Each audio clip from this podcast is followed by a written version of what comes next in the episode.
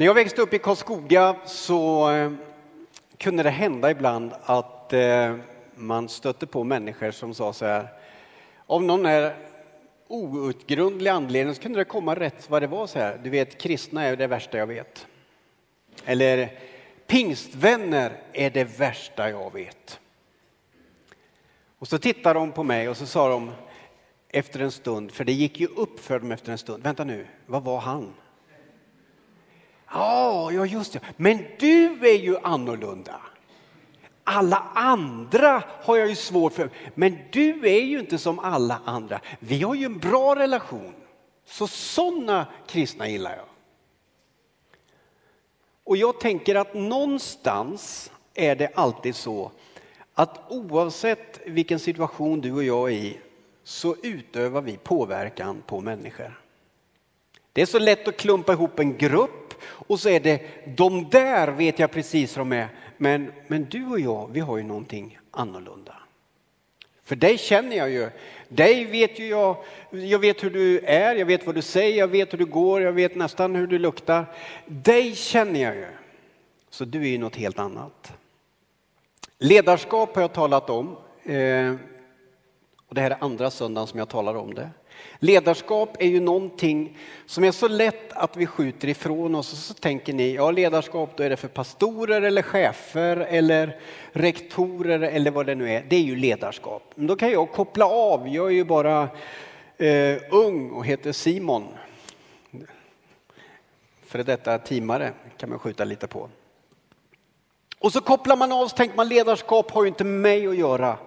Men när Bibeln talar om ledarskap och de här frågorna så talas det om det allmänna prästadömet. Där du och jag som kristen inbjuds i först och främst gemenskap med Gud. I tron på Jesus Kristus så blir vi en del av ett stort folk som också får en ledaruppgift. Första Petrus brev säger att vi blir kungar och präster när vi tar emot Jesus. Och kungarna utövade makt och de fick makt. Prästerna likadant. De utövade makt och ledarskap. Och det säger Bibeln att du och jag, vi inbjuds till detta. Och när Bibeln talar om ledarskap så handlar det om den typen av ledarskap där du och jag möter någon och har inflytande och påverkan. Där kan vi få agera i ledarskap. Problemet med vår tid är att för många människor kliver åt sidan och så säger de så här, jag vill inte leda, jag har ingen uppfattning. Det får någon annan sköta. Och så tar jag inte mitt ansvar. Och det är det tråkigaste som finns och det är också det farligaste som finns. Civilkurage, människor som reser sig upp, som har någon form av moralisk kompass och vet åt vilket håll man ska, är avgörande för alla samhällen, så också för den tid som vi lever i. En enda elev kan vara med och sätta kultur på en skola. En enda anställd på ett företag kan vara med och sätta kultur på ett arbete i positiv eller negativ riktning. Det är faktiskt så att en person kan göra stor skillnad men när flera stycken bestämmer för samma positiva eller negativa påverkan så kommer det också påverka många, många fler. Det är så när det gäller relationer också, att man tänker ofta som så här, det spelar ingen roll, det är jag och hon, det påverkar ingen annan. Bibelns undervisning är att du och jag påverkar alltid fler än bara oss själva och den eventuellt vi älskade lever med. Man lever i en kontext med andra människor nära och de beslut som du och jag tar påverkar alltid fler. Det påverkar din familj, dina föräldrar, vännerna runt omkring gatan du bor på. Överallt möter du människor där du antingen kan utöva ett positivt ledarskap eller ett negativt ledarskap. Ja, men jag vill gärna gå in i det här. På söndagar då ska jag minsann visa framfötterna. Då ska jag tjäna Gud. Då ska jag stå långt fram med händerna upp i luften. Ja, men det är ju jättebra. Men ledarskap handlar om 24-7. Varje dag varje vecka, dygnet runt, så har du och jag den här inbjudan att fungera i Guds gemenskap på ett sådant sätt så att vi är med och påverkar vårt omgivning och oss själva. Förra söndagen jag predikade talade om Josef. En ung man som utsätts för något fruktansvärt. Hans egen familj vänder sig emot honom när han är ung. De säljer honom som slav. De som ska supporta, stötta, sviker och säljer honom som slav.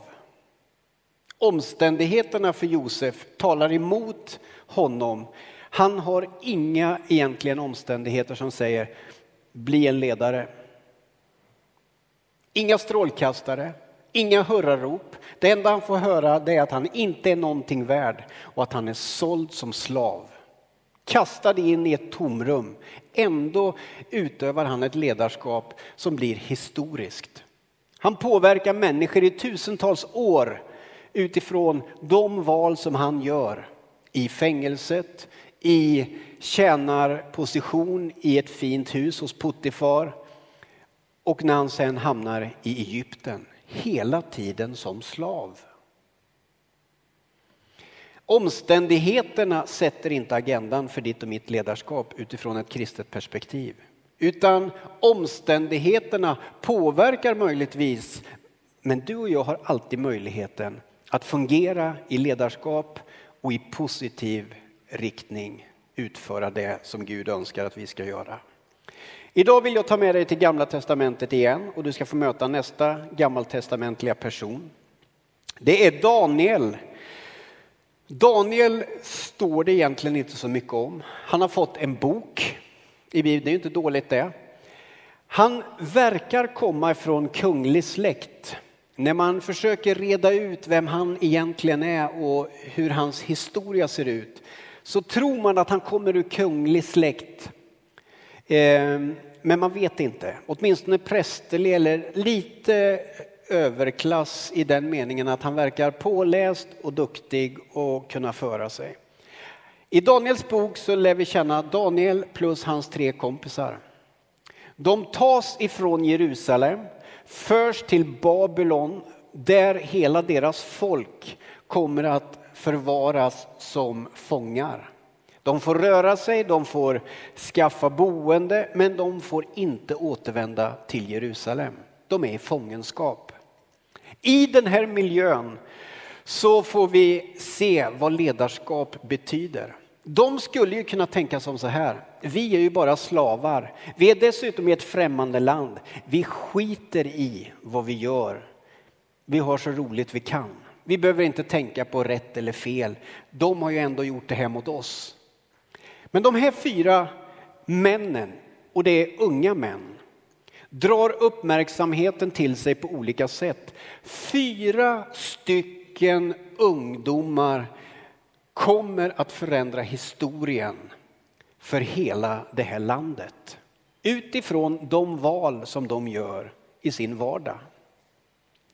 Daniel eh, hamnar i eh, de övre skikten i ledarskapet. Han har fått en utrustning av Gud själv och det är att tyda syner och drömmar.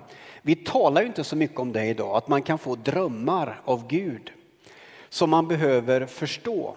Vi tänker oftast att Gud ska tala på något annat sätt. Men genom historien så ser vi att Gud ofta talade genom drömmar och syner. Och så i det här sammanhanget så är det så att Daniel har fått förmågan att tyda de här drömmarna och synerna. Kungen hade omgett sig med andra drömtydare också, men deras drömtydning fungerade så dåligt så att det slog aldrig in det de sa. Men när Daniel tydde en dröm så blev det logiskt och det slog alltid in och blev som han hade sagt.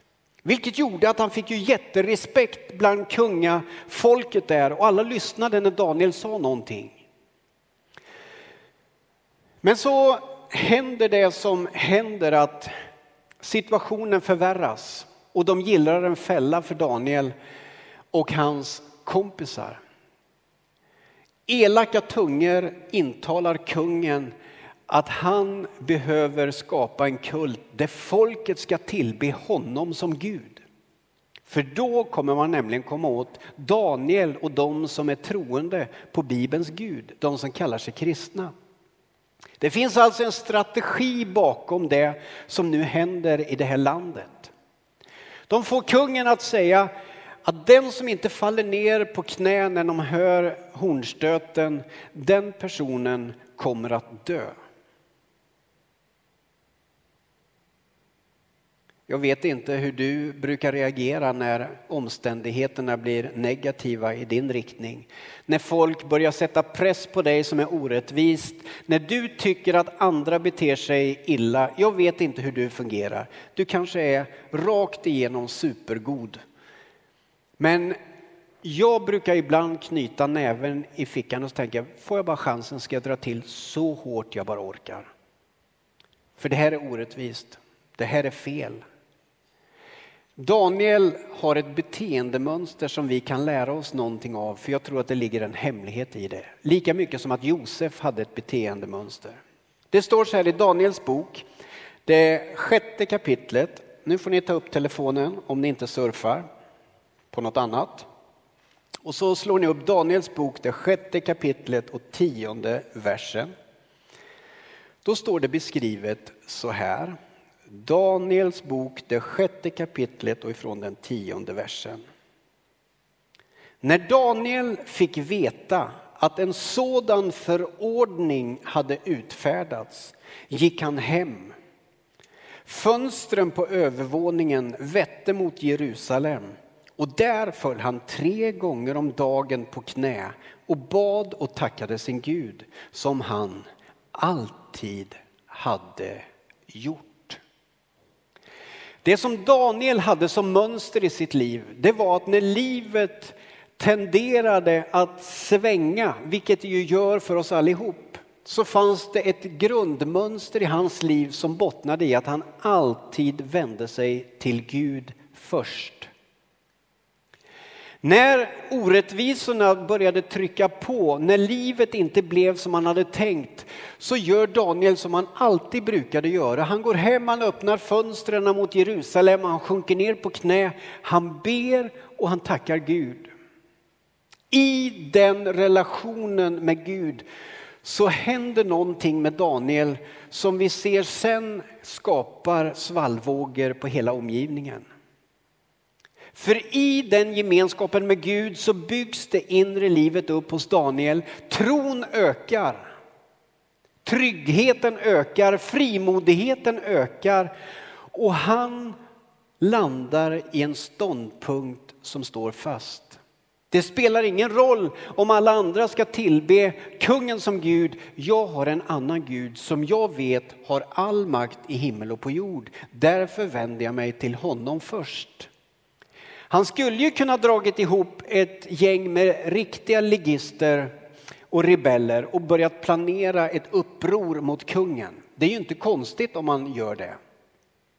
Eller börjat en förtalskampanj eller lagt ut om orättvisorna på Facebook och uppmanat till att riva ett helt kvarter. Han skulle kunna göra det som han ofta gör. Och jag citerar i andra gudstjänsten Daniel Alm som är föreståndare för pingst. Han skrev en artikel att en god kristen bränner varken en koran eller river en förort. En god kristen har andra tillvägagångssätt som ger resultat. Daniel böjde sina knän och så bad han till Gud om Guds ingripande. Om du inte brukar göra det så skulle jag vilja uppmuntra dig att pröva den varianten. Att börja be för den omgivning som du är i och låta Gud forma dig och din omgivning. För Gud han har koll.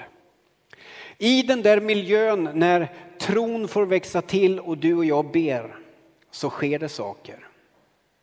I det sjätte kapitlet och nittonde versen så är kanske inte bönesvaret direkt på plats. Daniel blir kastad i lejongropen. Det vill säga han blir dömd till döden. Han går igenom det som alla människor går igenom när man blir dömd till döden av oro och ångest, nedstämdhet. Han är ingen supermänniska. Men när han är kastad i lejongropen så är samma Gud som har koll fortfarande med. Och det som Daniel har gjort under år finns med någonstans och Gud vakar över hans liv. Och då sker detta som gång på gång är möjligt och kan ske också i våra liv. Tidigt i gryningen steg kungen upp och skyndade till lejongropen. Då han närmade sig gropen ropade han på Daniel med ängslan i rösten. Daniel, du, eh, Daniel, du, progressiva glasögon är hopplöst. Ta från början. Tidigt i gryningen steg han upp och skyndade sig till lejongropen, kungen alltså. Då han närmade sig gropen ropade han på Daniel med ängslan i rösten. Daniel, du den levande Gudens tjänare.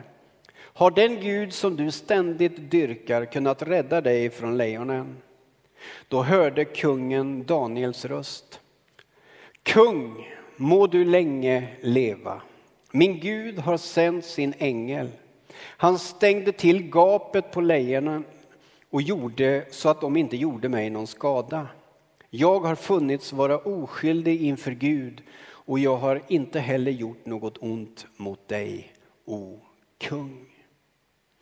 Det här är ett lika stort under som att en kula från ett gevär skulle stanna i luften när man har avfyrat det dödande skottet. Att hamna bland lejon som är hungriga, utsvultna, irriterade. Det vanliga är att det inte blir någonting kvar. Processen är kort, han hade blivit uppäten. Men Gud hade en annan plan för Daniels liv. Han går ner och han gör ett mirakel. Daniel visste att Gud kan göra under och han var trygg i sin gudsrelation för han vet att Gud är rakt igenom god. Bönen är underlaget för det mirakel som sen sker. Det är därför du och jag uppmanas i vårt ledarskap att be för situationer. Min lillebror bror Ola blev mobbad i skolan av sin lärare. Det är inte helt vanligt, men det var inte helt ovanligt när jag växte upp i Karlskoga på den tiden. Det var liksom helt tillåtet för de flesta att hacka på kristna elever som väldigt udda och konstiga människor. Den här läraren var på min lillebror upp i gymnasiet. Och han var så knäckt min lillebror, för läraren gjorde narr av honom varje dag i skolan. På ett sånt där fult sätt ni vet, när han gick el-tele och de skulle gå igenom eh, ellära så kastade han ut någon svår fråga och så kunde det komma en sån där grej som att den kan väl du svara på Ola, du har ju Gud till din hjälp. Och så skrattar alla. Och det där åt på min lillebror. Så en dag kommer han hem från, från skolan och är totalt knäckt. Han sa, jag skiter i det här, jag slutar gymnasiet, jag orkar inte med, för de är på mig hela tiden. Och man ber ju inte mamma ringa när man går i gymnasiet. Så han såg liksom ingen utväg. Då säger min mamma så här. Då gör vi som vi alltid har gjort. Nu samlar vi oss vid matbordet och så ber vi för den här situationen. Och du vet, första känslan som vi andra bröder hade är att det här är lite obekvämt.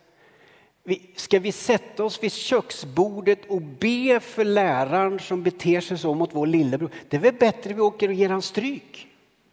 Det måste ju vara bättre än vanlig mörk kväll. Så det känns. Men mamma sa, så här brukar vi göra. Vi ber för situationen när vi hamnar i svårigheter. Så där sitter vi och så ber vi en bön om att Gud ska ta hand om läraren. Och man tänker ju först, det måste vara en målinriktad bön. Gode Gud, ryck armarna av honom. Det är ju det man känner innerst inne. Men mammas bön var en annan. Du som är god Gud, du vet vad det är för fel med den här mannen. Du vet varför han beter sig som han gör. Och så bad hon en bön som vi andra stämde in i för min lillebrors lärare. Vi bad för den här mannen under en tid. Och det blev liksom en del i vår aftonbön. Vi bad för brorsan och vi bad för läraren. En dag ösregnar det och Ola går från skolan. När han har gått en bit så kommer en bil och kör fram och rutan vevas ner.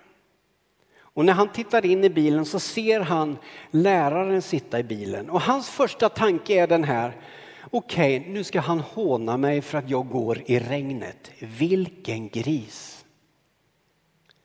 Men det han hör när han böjer sig ner, det är Ola, hoppa in i bilen så kör jag dig hem. Det ösregnar ju. Skojar du? Så han hoppar in i bilen och när han åker den där sträckan som är kvar hem till vårt hus så säger läraren innan han hoppat ut. Ola, jag måste be om ursäkt. Jag har betett mig oansvarigt som vuxen. Förlåt att jag har hackat på dig. Och så ska Ola hoppa ut ur bilen. Ja, det är okej. Okay. Så kommer han in till oss som sitter och jag vet än vad som stod på bordet den dagen. Så kommer han in och säger, det är inte sant. Ja, vem fick du skjuts Ja, ni kommer aldrig tro det.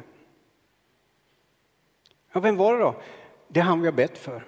Det är min lärare. Och vet du vad han gjorde? Han bad om ursäkt. Jag tänker, det är det som är ledarskap i andlig bemärkelse.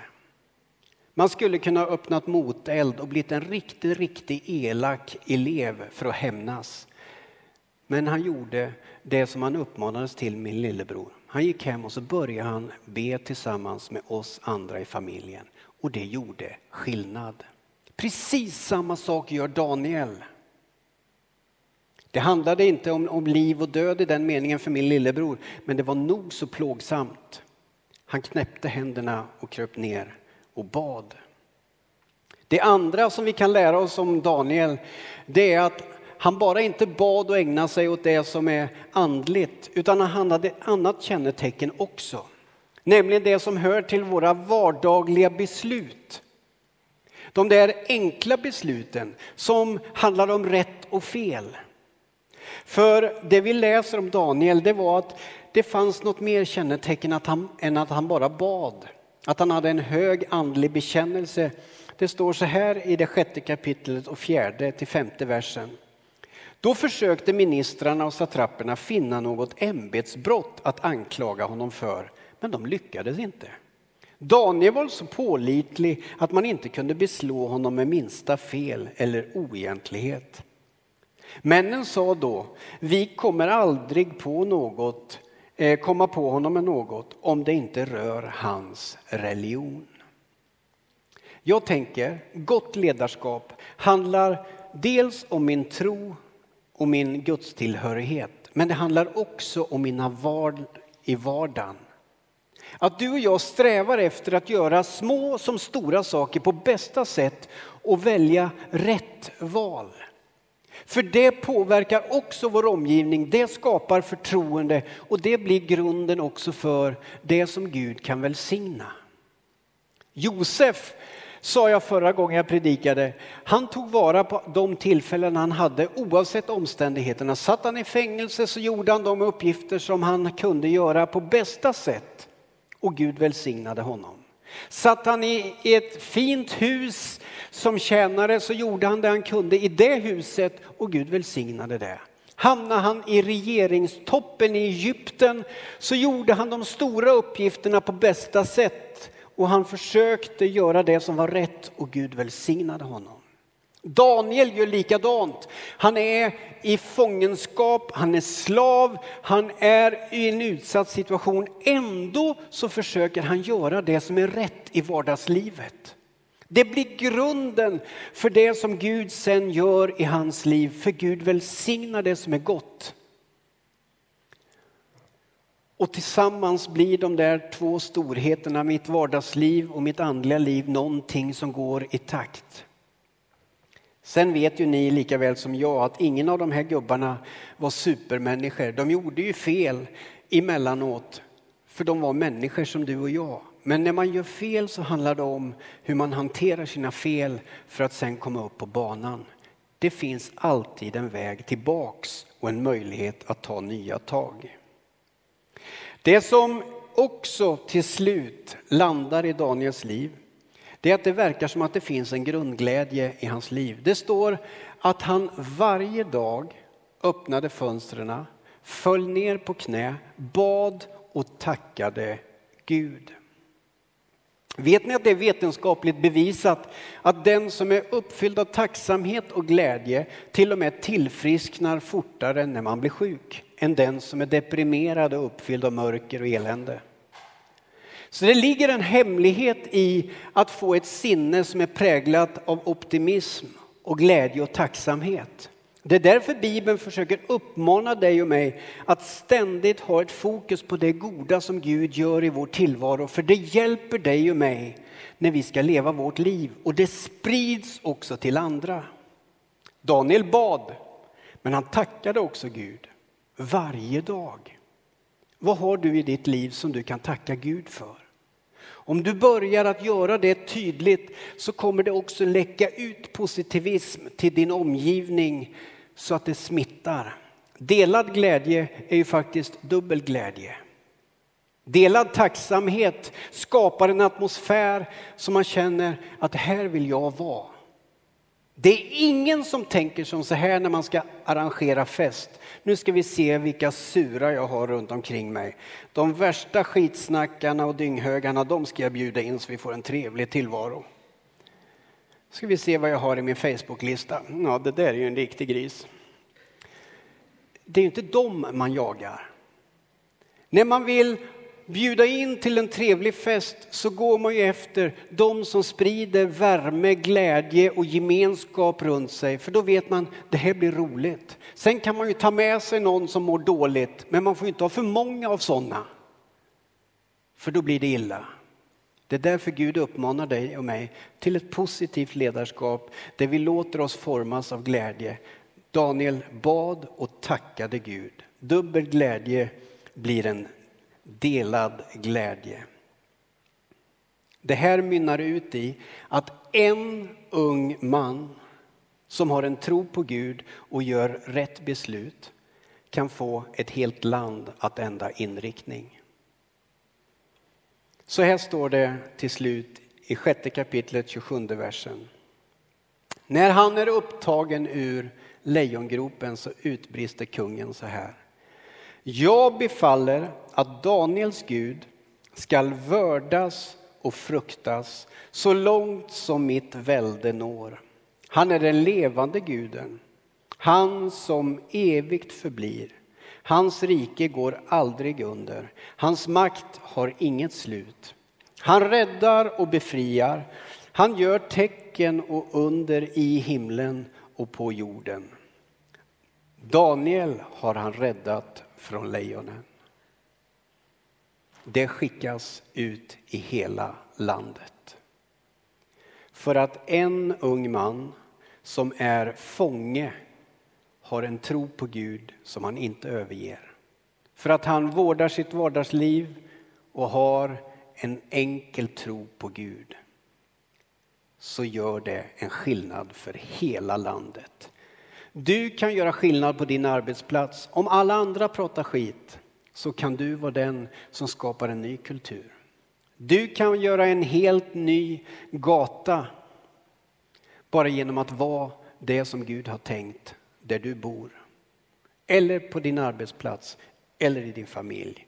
Du är kallad till ledarskap. Ska vi be tillsammans? Herre, jag tackar dig för att det liv som du har att erbjuda är ett liv som är på riktigt. Inte bara ett andligt liv med religiösa termer utan ett liv som går på djupet och som handlar om helhet och äkthet.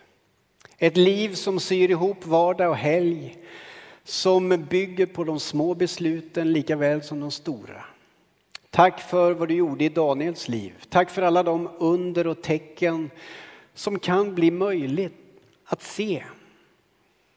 Jag ber Herre att du ska vara med i våra vardagsliv. Jag ber att du ska vara med i det liv som är osynligt och det liv som är synligt. Jag ber att du ska vaka över våra tungor så att vi på bästa sätt kan få tjäna dig med våra mun. Tack att du hör vår bön Herre.